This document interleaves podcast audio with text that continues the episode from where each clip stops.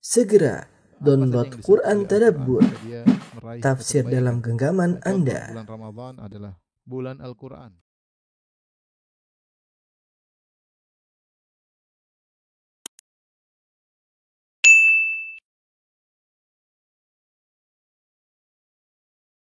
Bismillahirrahmanirrahim. Assalamualaikum warahmatullahi wabarakatuh.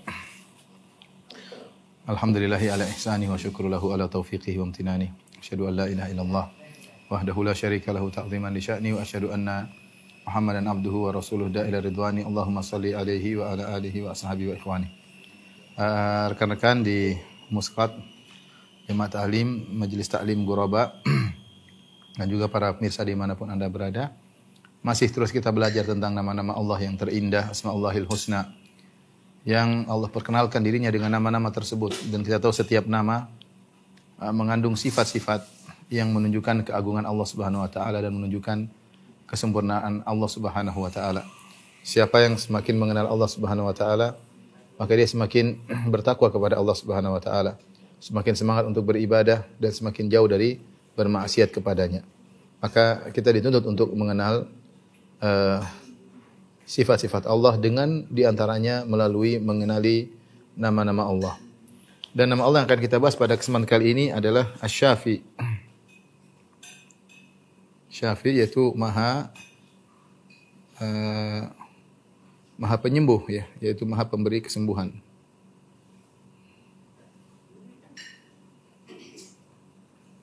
Ya, dari syifa, syifa artinya kesembuhan. Dan Syafi ya, hanya datang dalam hadis ya. Datang dalam hadis. Dalam hadis-hadis. Di antaranya doa yang diucapkan oleh Nabi sallallahu alaihi wasallam, Allahumma rabban nas. Allahumma rabban nas. Uh, washfih wa anta syafi. Ishfi anta syafi. Uh, mudhib al-ba's Ada beberapa lafal ya saya pilih lafal ini. Ishfi anta syafi.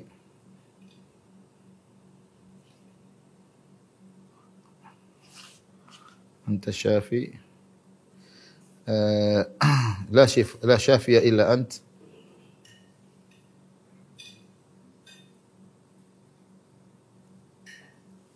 Kemudian syifaan la yughadiru saqaman. Syifaan la yughadiru saqaman. Tapi ini eh, hadisnya Nabi berdoa saya bacakan Allahumma rabban nas. Ya Allah rabban nas, penguasa manusia. Mudhibal ba's yang menghilangkan penyakit. Allah Allah adalah uh, penguasa manusia yang menghilangkan penyakit isfi anta syafi sembuhkanlah sungguhnya engkau adalah asyafi ini yang jadi perhatian perhatian kita di sini anta asyafi yang artinya adalah maha penyembuh la syafiya illa an tidak ada yang menyembuhkan kecuali engkau syifaan la yughadiru saqama kesembuhan yang tidak meninggalkan uh, penyakit yaitu sembuh secara secara total dan ini datang dalam beberapa hadis saya bacakan disebut oleh Syekh Abdul Razak hafizahullah taala. Beliau berkata telah valid dalam sahihain dari Aisyah. Sahihain maksudnya sahih Bukhari dan sahih Muslim dari Aisyah radhiyallahu taala anha anna Nabi sallallahu alaihi wasallam kana yu'awwidhu ba'd ahlihi.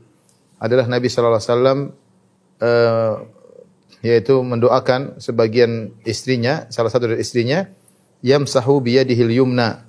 Nabi sallallahu alaihi wasallam mengusap tangan kanannya, mengusap dengan tangan kanannya, mengusap ke istrinya yang sakit.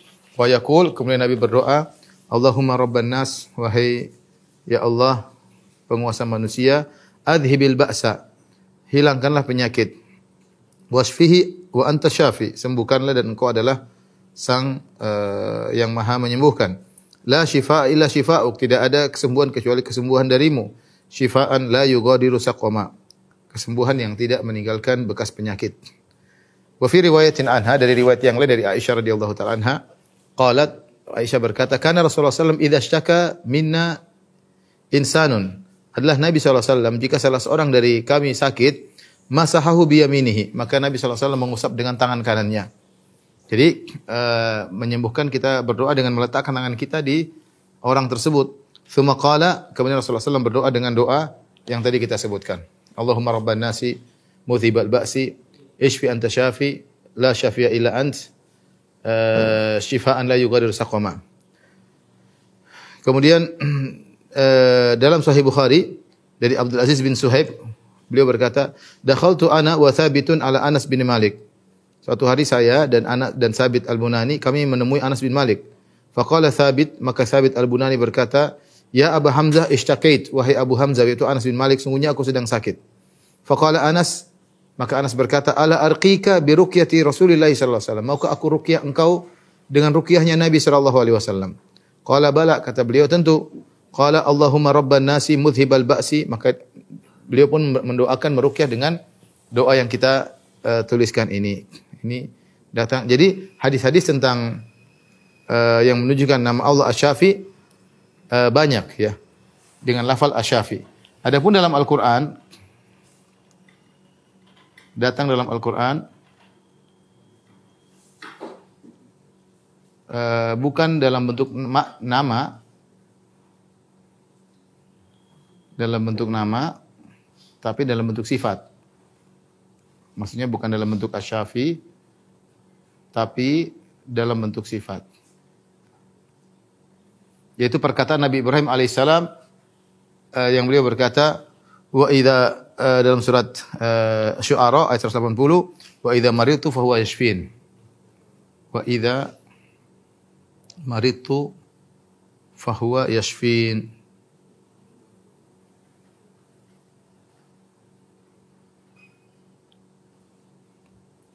Surat Asy-Syu'ara ayat 180. Yang kata Nabi Ibrahim, jika aku sakit, maka Allah lah Allah lah yang menyembuhkanku.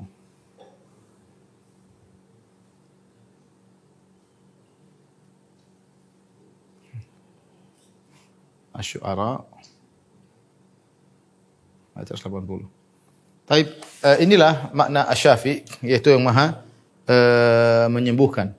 Dan kita harus meyakini bahwasanya tidak ada yang bisa menyembuhkan kecuali Allah Subhanahu wa taala. Makanya dalam doa tersebut ada perkataan la syafi'a illa ant yang artinya tidak ada yang menyembuhkan kecuali engkau. Ada yang menyembuhkan kecuali engkau kecuali engkau ya. Uh, ini doa indah bagi orang yang sakit, kemudian dia baca dengan doa ini. Uh, tetapi dia harus penuh dengan keyakinan. Makanya dia berkata Allahumma, yaitu Allahumma artinya ya Allah. Rabban nas, dia bertawasul dengan sifat rububiyah Allah. Bahwasanya Allah adalah penguasa seluruh manusia. Allahumma Rabban nas. Mudhibal ba'si. Atau adhibil ba'sa. Sama ini dalam riwayat mudhibal ba'si yang telah yang menghilangkan segala bentuk penyakit. Ishfi anta syafi, sembuhkanlah. Sungguhnya engkaulah satu-satunya yang maha memberi penyembuhan. La syafiya ila an, tidak ada yang menyembuhkan kecuali engkau. Syifaan la yurgaru saqama, kesembuhan yang tidak menghilangkan, tidak meninggalkan, kesembuhan yang tidak meninggalkan uh, penyakit. Kita mungkin sering baca doa ini, tapi terkadang kita kurang yakin. Kita membaca yang sekedar sekedar coba-coba, ya.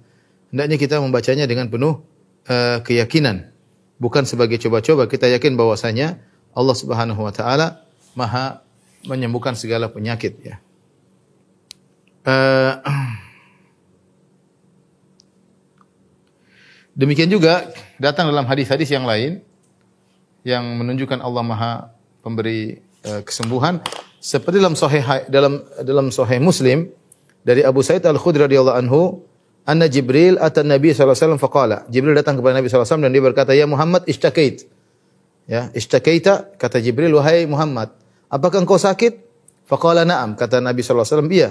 Qala maka Jibril pun meruqyah Nabi sallallahu alaihi wasallam dengan doanya bismillahi arqika min kulli syai'in yu'dhik. Sungguhnya aku meruqyahmu dengan nama Allah aku meruqyahmu dari segala perkara yang menyakitimu. Min syarri kulli nafsin au ainin hasid. Dan aku meruqyahmu dari segala keburukan setiap jiwa dan dari uh, mata yang hasad. Allahu yashfika, Allah menyembuhkan engkau bismillahi arqik. Dengan menyebut nama Allah aku pun meruqyahmu, ya. Eh, ini contoh ya. Eh, bahwasanya Allah Maha memberi kesembuhan. Tapi ada beberapa hal yang perlu kita ketahui, kaidah-kaidah dalam hal kesembuhan. Ini sudah? Hmm, sudah.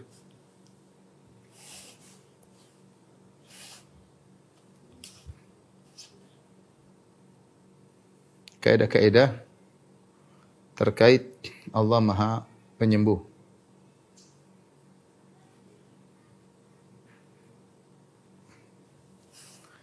Ah, Di antaranya, perhatikan yang pertama, kesembuhan dari Allah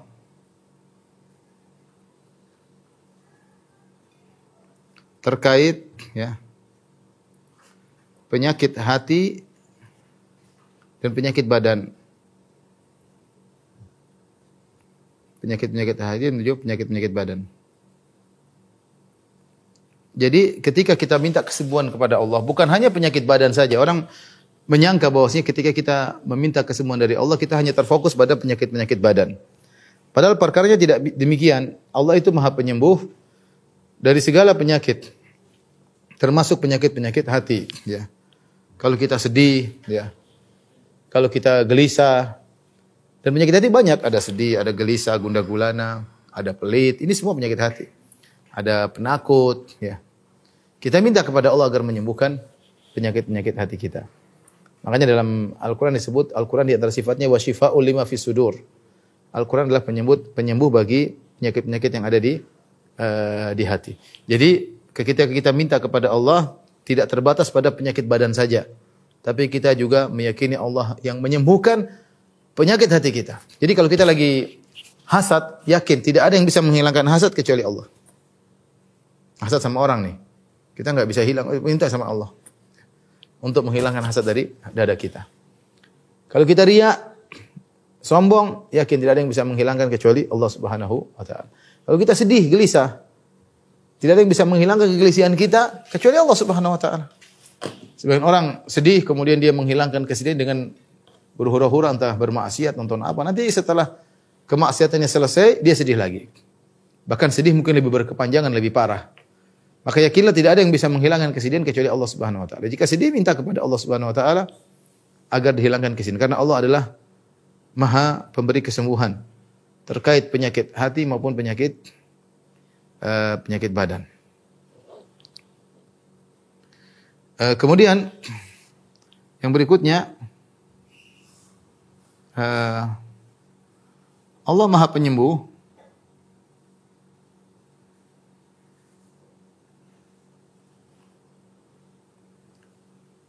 Akan tapi Allah juga menurunkan sebab-sebab kesembuhan.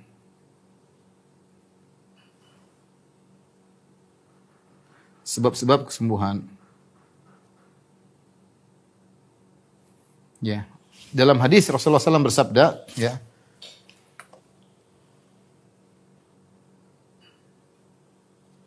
Dalam hadis Rasulullah SAW bersabda, likulli da'in dawa. Setiap uh, penyakit ada obatnya, ya. Kata, kata Nabi sallallahu alaihi likulli da'in dawa. Setiap penyakit ada obatnya.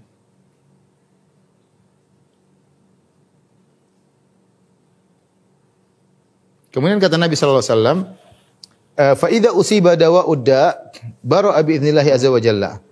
Jika uh, obat mengenai penyakit maka akan sembuh dengan izin Allah Subhanahu wa taala. Ya, fa idza fa idza usiba dawa udda bari'a biiznillah taala, maka jika obat tersebut mengenai penyakit dengan izin Allah bisa disembuhkan. Demikian dalam hadis dari uh, Usama bin Syarik radhiyallahu anhu beliau berkata, "Kuntu inda Nabi sallallahu alaihi wasallam, aku sedang berada di sini Nabi sallallahu alaihi wasallam, wa ja'atil a'rab, datang orang-orang Arab Badui. Faqalu ya Rasulullah, ana tadawa ya Rasulullah. Apakah kita perlu berobat?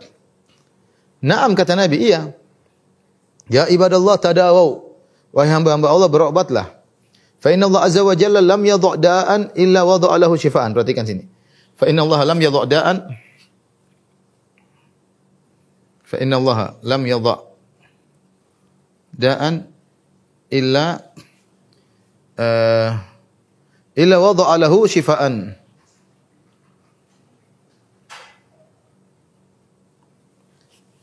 Illa ghairu da'in wahidin. Sungguhnya tidaklah Allah memberikan meletakkan suatu penyakit kecuali Allah meletakkan juga obatnya ya. Tidak ada penyakit kecuali ada obatnya. Kecuali satu penyakit yang tidak ada obatnya. Qalu apa ya Rasulullah? Satu penyakit tidak ada obatnya kata Nabi sallallahu al-haram. Ya. Yaitu uh, tua tidak ada obatnya. Orang bagaimanapun akan sampai pada ketuaan dan akan meninggal meninggal dunia. Jadi Allah Maha penyembuh tapi Allah juga menurunkan sebab-sebab kesembuhan. Yang ketiga, ketika berobat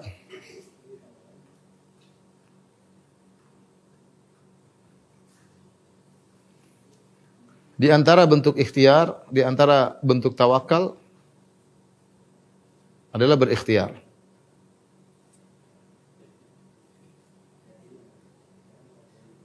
yaitu berusaha mencari obat, yaitu berusaha berobat. Tadi kata Nabi wasallam, "Tadawau ibadallah." Kata Nabi wasallam, "Tadawau ibadallah wala tadawu bil haram." Kata Nabi wasallam, "Tadawau ibadallah wala tadawu bil haram." Berobatlah wahai hamba-hamba Allah tapi jangan yang haram. Jangan berobat dengan yang haram. Perhatikan ini penting. Dengan yang haram. Artinya ada perkara yang haram bisa menimbulkan pengobatan tetapi tidak diperbolehkan dalam syariat. Mungkin khamar, mungkin apa kayak yang bisa bikin sembuh, mungkin daging babi mungkin bisa bikin sembuh. Tapi kalau itu haram maka tidak di tidak diperbolehkan. Karena Rasulullah SAW mengatakan wala tadau bil haram. Jangan berobat dengan cara yang haram. Bisa pergi ke dukun sembuh, pergi ke orang pintar sembuh. Tapi percuma, Rasulullah larang. Dia sembuh secara fisik tapi hatinya rusak. Hatinya rusak karena dia berobat dengan cara yang tidak uh, yang tidak benar. Namun perlu diperhatikan, jadi uh, dengan keyakinan yang menyembuhkan hanyalah Allah.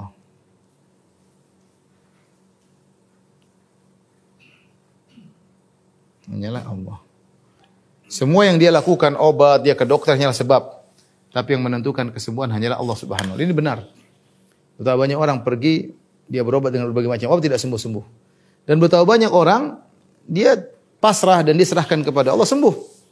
Banyak orang yang sakit parah, kemudian mereka pergi ke uh, ke Masjidil Haram, sebagian disampaikan oleh seorang ulama, dia orang sebagian orang berobat dengan iktikaf di Masjidil Haram sambil minum zam-zam dengan penuh keyakinan tapi ya maka Allah bisa beri kesembuhan kepada mereka ya. Dan bahkan ada orang yang hanya berdoa kepada Allah Subhanahu wa taala maka bisa sembuh dari penyakitnya. Uh, di antara kejadian yang dialami salah seorang kawan ya, saya kemarin baru ketemu dia. Dia terkena penyakit uh, Covid ya, Covid dan parah karena dia punya komorbid gula ya.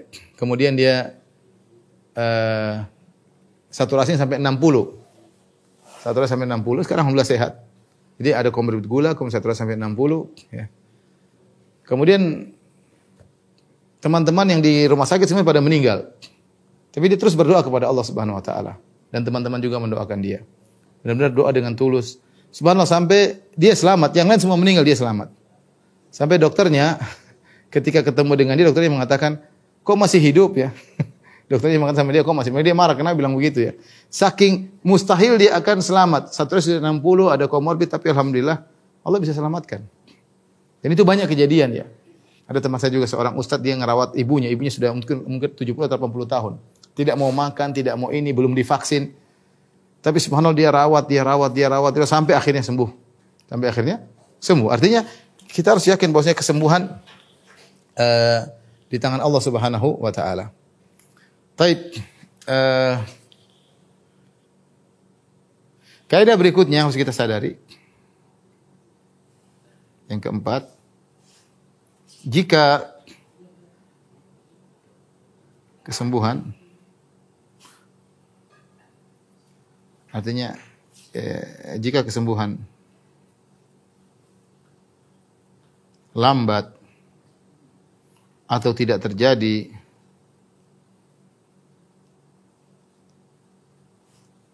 yakinlah yakinlah itu semua ada hikmahnya.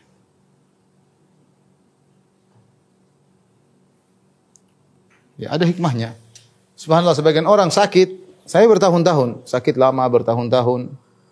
Dia sudah berdoa, mungkin setiap berdoa dia berdoa Allahumma anta syafila syifa'ila syifa'uk. Syifa'ila yughadiru saqama. Ya Allah engkau adalah pemberi kesembuhan, tidak ada la syafi'a illa anta, tidak ada kesembuhan penyembuh kecuali engkau. Sembuhkanlah diriku. Dia berdoa, dia suruh orang tuanya berdoa, suruh teman-temannya berdoa, tapi tidak sembuh-sembuh. Sekian lama baru sembuh. Yakinlah bahwa itu ada hikmahnya. Karena penyakit itu memang dikehendaki oleh Allah Subhanahu wa taala di antaranya untuk mengangkat derajat seorang hamba. Ya. Dalam hadis Rasulullah SAW mengatakan, "Ma yusibul muslim min wasabin wala nasabin." Tidaklah menimpa seorang muslim penyakit ataupun keletihan atau gangguan-gangguan yang lainnya kecuali Allah akan menghapuskan dosa-dosanya, ya. Rasulullah menasihati seorang wanita kata Rasulullah SAW, "La tasubbil humma." Janganlah kau mencerca demam. Fa inha tudhibu khataya bani Adam kama yudhibul kir khabathal hadid. Sungguhnya demam itu menghilangkan dosa-dosa anak Adam sebagaimana alat pandai besi menghilangkan karatan besi. Jadi mungkin saja seorang sudah berdoa, tawakal kepada Allah, sudah ikhtiar, namun qadarullah tidak sembuh-sembuh dan kesemuanya datang belakangan. Yakinlah bahwasanya semua ada hikmahnya, ada hikmahnya. Di antaranya e, di antara hikmah tersebut ya, banyak ya, di antara hikmahnya misalnya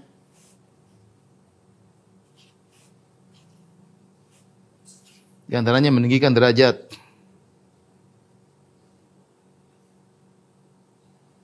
mengurangi dosa-dosa yang sudah jelas.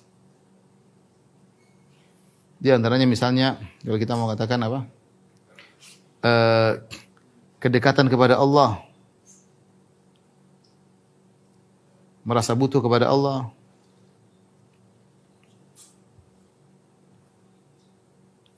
Agar kita pandai bersyukur, tahu nikmat sehat. Agar kita sadar akan agungnya nikmat sehat.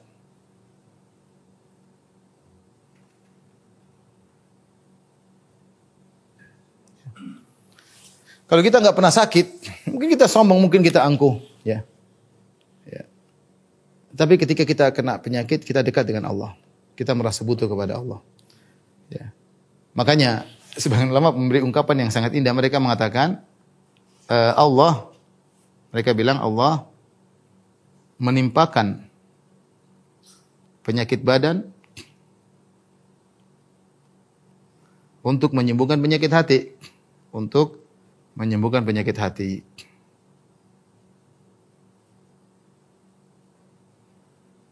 Terkadang kesombongan, keangkuhan, ujub tidak bisa hilang kecuali kalau sudah terkena penyakit. Baru segala keangkuhan, segala kesombongan, segala kegagahan sirna ketika itu. Allah sembuhkan penyakitnya. Ya. Kadang mentang-mentang, rasa mentang-mentang ya tidak bisa sembuh kecuali kalau disuruh dikasih penyakit. Jadi perkataan ini dari sebagian ulama bahwasanya uh, Allah memberikan seorang penyakit badan untuk menghilangkan penyakit hatinya. Ya. Demikian juga agar kita menjadi pandai bersyukur, agar kita sadar akan agungnya nikmat kesehatan. Karena kalau kita tidak sakit, kita nggak ngerti apa itu nikmat sehat. Sebab dikatakan bahwasanya sehat itu adalah tajun, adalah suatu mahkota yang ada di kepala orang yang sehat namun tidak ada yang bisa melihatnya kecuali orang yang sakit. Orang yang sakit bisa tahu itu dia pakai mahkota. Yang sehat sendiri tidak sadar bahwa itu adalah mahkota dia yang sedang yang sedang dia pakai dalam kesehariannya. Yang bisa lihat hanyalah orang yang uh, yang sakit. Oleh karenanya uh, ini beberapa kaidah uh, terkait dengan Allah Maha uh, menyembuh ya yang harus kita uh, perhatikan. Baik. Dari sini ikhwan yang perlu kita perhatikan, eh, jangan sampai ketika kita berobat, kita kecenderungannya kepada sebab-sebab. Cenderung benar kalau ada sebab kita lebih apa namanya sugestinya lebih lebih tinggi untuk sembuh. Tapi kita tidak kita harus tahu bahwasanya sebab-sebab ini hadirkan oleh Allah Subhanahu wa taala. Kalau bukan karena Allah maka sebab-sebab ini tidak akan hadir di hadapan kita. Dan yang menentukan kesembuhan hanyalah Allah Subhanahu wa taala. Ya, beda orang kalau sudah sakit kemudian dibawa ke rumah sakit di depan dokter yang ramah, dia merasa ada ketentraman. Ya. Dikasih obat, tapi dia harus yakin kesembuhan dari Allah, bukan dari dokter. bukan dari dokter karena asy-syafi huwa Allah. Yang menyembuhkan penyakit adalah Allah Subhanahu wa taala. Betapa banyak dokter tidak bisa menyembuhkan dirinya sendiri. Dokter juga meninggal. Dokter bahkan penyakit jantung dia sendiri kena jantung. Sebagian dokter penyakit paru dia sendiri kena penyakit penyakit paru. Dan demikianlah yang maha menyembuhkan hanyalah Allah Subhanahu uh, wa taala. Taib.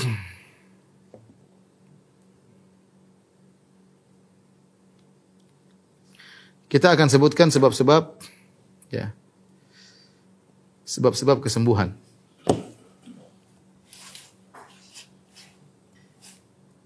Tadi sudah.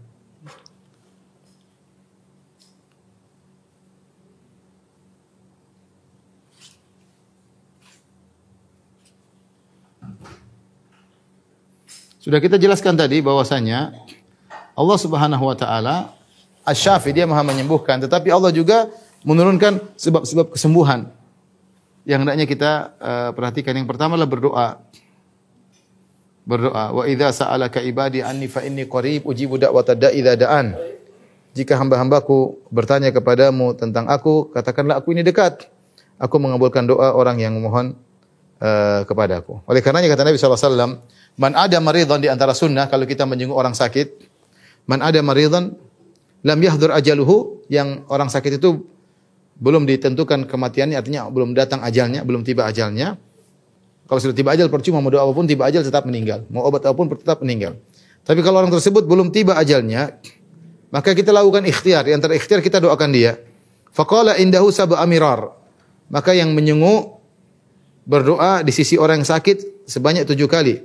As'allah as'alullah al-azim rabbal arsy al-azim an yashfiyaka illa afallahu min dzalikal marad. Jadi kita di samping orang yang sakit kita mengatakan as'allah al-azim rabbal arsyil azim an yashfiyak sampai tujuh kali sekali. Aku mohon kepada Allah yang Maha Agung yang memiliki kursi yang agung agar menyembuhkan engkau sampai tujuh kali. As'allah al-azim rabbal arsyil azim an yashfiyak sampai tujuh tujuh kali kecuali Allah akan uh, menyembuhkan uh, penyakitnya. Ya. Ini doa. Seperti juga dalam hadis bahwasanya Rasulullah SAW ya eh, karena yakulil marid Rasulullah SAW mendoakan orang yang sakit. Bismillahi turbata ardina biriqati ba'dina yashfi saqimuna yashfi saqimuna syaqimana biizni rabbina. Ya, dengan nama Allah tanah dari bumi kami biriqati ba'dina dengan dicampur dengan sedikit air liur. Yashfi syaqimun saqimana saqimana kemudian diletakkan di tempat orang yang sakit. Ya maka insyaallah sembuh. Biizni rabbina dengan izin Rabb Rabb kami. Ya. Kemudian antaranya misalnya dengan uh, apa namanya mengkonsumsi ini berdoa ya. Berdoa uh, dengan doa-doa ruqyah ya atau dengan doa apa saja ya. Bebas ya, yang penting kita menyertakan dalam doa tersebut anta syafi, ya Allah. Engkau adalah pemberi kesembuhan. Jadi doa dengan menyertakan nama Allah Asy-Syafi.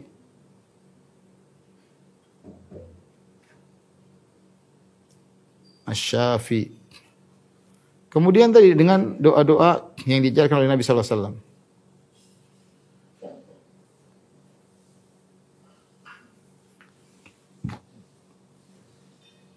Dan tadi sudah kita bacakan ya, di antaranya Allahumma Allahumma rabban nasi uh, mudhibal ba'si anta syafi la shifa'uk uh, anta syafi la syafi'a ila ant ya.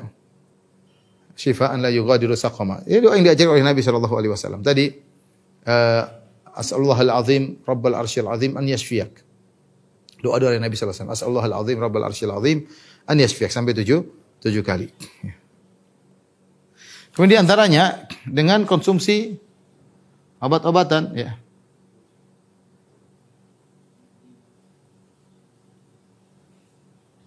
Yang datang dalam sunnah. Secara umum obat apa pun, obat apa pun ya Rasulullah, Rasulullah tadi mengatakan Inna Allah la yadha da'an ila wada'alahu dawaan. Allah tidak meletakkan suatu penyakit kecuali Allah letakkan juga kesembuhannya. Alimahu Man alima wa jahilu man jahil. Yang tahu tahu, yang tidak tahu tahu. Yang tidak tahu ya sudah tidak tahu. Tapi secara umum obat itu banyak. Di antaranya ada obat-obatan yang datang dalam dalil. Uh, bukan berarti yang lainnya tidak karena Allah meletakkan setiap penyakit ada obatnya. Cuma ada yang tahu, ada yang tidak tahu. Namun di antara obat-obat yang mudah di dikonsumsi ya, Rasulullah SAW sebutkan misalnya madu ya. Misalnya madu sebenarnya dalam uh, surat An-Nahl 68 sampai 69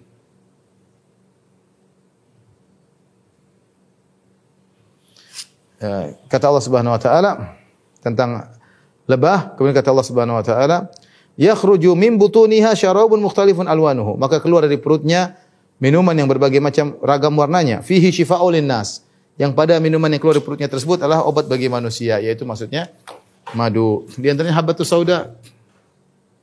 Habbat sauda. Jinten hitam. Ya. Kata Nabi sallallahu alaihi wasallam, uh, syifaun min kulli da illa sam. Bahwasanya sauda adalah obat dari segala penyakit kecuali sam. Asam adalah kematian ya. Adalah obat segala penyakit kecuali uh, kematian. Ya, demikian juga Rasulullah SAW isyaratkan pengobatan ada tiga. Kata Nabi SAW, asyifa'u fi thalatha. Pengobatan pada tiga. Jadi antaranya uh, adalah dengan madu, kemudian dengan hijamah, dan juga dengan uh, kai. Ya. Di antaranya dengan ini kali konsumsi obat-obatan uh, atau makanan mengandung obat, habat soda, madu, ya. Misalnya zaitun juga ya, zaitun.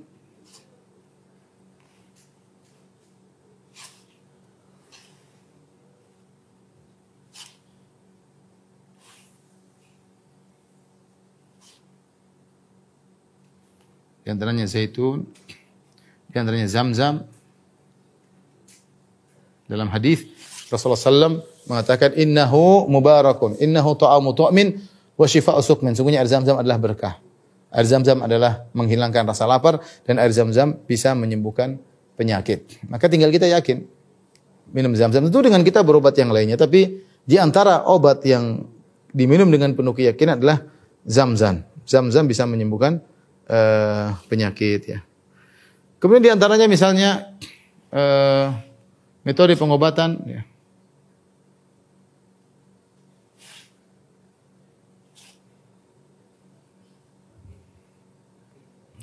Di antaranya misalnya misalnya uh, dengan hijamah ya, bekam. Ini di antaranya yang kita katakan hukum asal uh, pengobatan adalah perkara duniawi ya. Hukum asal pengobatan adalah perkara perkara duniawi. Silakan orang berusaha untuk berobat dengan apa yang dimudahkan oleh Allah Subhanahu wa taala. Itu uh, obat kimia atau obat herbal semuanya diperbolehkan. Yang penting uh, dibangun uh, informasinya harus dengan ilmu. Baik obat kimia harus dengan penelitian dan ilmu yang matang daripada para pakarnya. Demikian juga misalnya obat uh, herbal juga pun harus dengan ahlinya sehingga tidak sembarang mengkonsumsi uh, obat yang ada ya. Intinya uh, ikhwan dan akhwat rahmatillah subhanahu wa taala maka seorang ketika dia yakin bahwasanya Allah Subhanahu wa taala adalah Maha penyembuh maka ini akan berdampak pada uh, keimanannya ya. Yang pertama ya dia yakin bahwasanya apa pun penyakit kalau Allah berkehendak menyembuhkan maka bisa sembuh dan itu sudah banyak buktinya. Sudah banyak bukti. Dokter sudah angkat tangan, segala, segala obat sudah di sampaikan tidak bisa menyembuhkan. Tapi ketika seorang bersandar kepada Allah Allah bisa menyembuhkan penyakit ya. Karena dialah maha uh, penyembuh penyakit. Dan sebab yang bisa menyembuhkan penyakit di antaranya berdoa. Seorang biasa saja sembuh dengan doa yang tulus dengan doa yang tulus. Dan banyak orang seperti itu. Tidak dia sembuh dengan dengan doa. Sembuh dengan doa. Bahkan obat-obat yang sudah dikonsumsi tidak bermanfaat tapi dengan berdoa dengan tulus maka bisa bisa sembuh penyakitnya ya. Kemudian tadi uh, kita tahu bahwasanya ketika uh, Allah kasih penyakit dan memang belum sembuh dari kita, maka yakinlah ada hikmah di balik itu. Yang hikmah tersebut kembali baik kepada kita dengan syarat kita sabar dalam menghadapi uh, penyakit yang Allah berikan ya. Ya karena kita katakan bahwasanya penyakit tersebut akan menghilangkan dosa-dosa dan akan mengangkat uh, derajat. Jangan pernah putus asa dari penyakit yang kita hadapi. Terus senantiasa berdoa kepada Allah minta petunjuk dan jadikan uh, agar Allah menjadikan kesehatan yang kita alami yang kita rasakan kesehatan sebagai sarana untuk bertakwa kepada Allah Subhanahu. Demikian juga ketika kita sakit, jadikan sakit tersebut sebagai sarana untuk bertakwa kepada Allah Subhanahu eh, wa taala. Eh, saya lupa juga di antara di antara sebab kesembuhan adalah dengan baca Al-Qur'an ya. Al-Qur'an adalah syifa ya. Eh, wa nunazzilu minal Qur'ani ma huwa syifa ya. Ma huwa syifa wa rahmatul. Kami turunkan Al-Qur'an yang Al-Qur'an itu merupakan syifa obat. Jadi Al-Qur'an itu obat bukan cuma obat eh, batin tapi dia juga obat penyakit badan, penyakit fisik. Dengan kita sertakan kita pergi ke dokter sambil kita rukyah. Baca Quran, baca Quran maka akan beri kesembuhan. Bukan cuma penyakit hati tapi juga demikian juga penyakit-penyakit eh, badan. Inilah ikhwan dan akhwat yang Allah Subhanahu wa taala yang saya sampaikan dari nama Allah Asy-Syafi ya. Eh, Ketika kita berdoa jangan lupa sertakan nama Allah Asy-Syafi. Kita doakan diri kita atau doakan keluarga kita atau doa orang yang kita cintai agar Allah menyembuhkan eh, penyakitnya karena tidak ada yang bisa menyembuhkan kecuali hanya Allah Subhanahu wa taala. Wallahu taala alam bisawab demikian saja apa yang saya sampaikan. Kurang ini saya mohon maaf. Wabillahi taufiq. Assalamualaikum warahmatullahi wabarakatuh.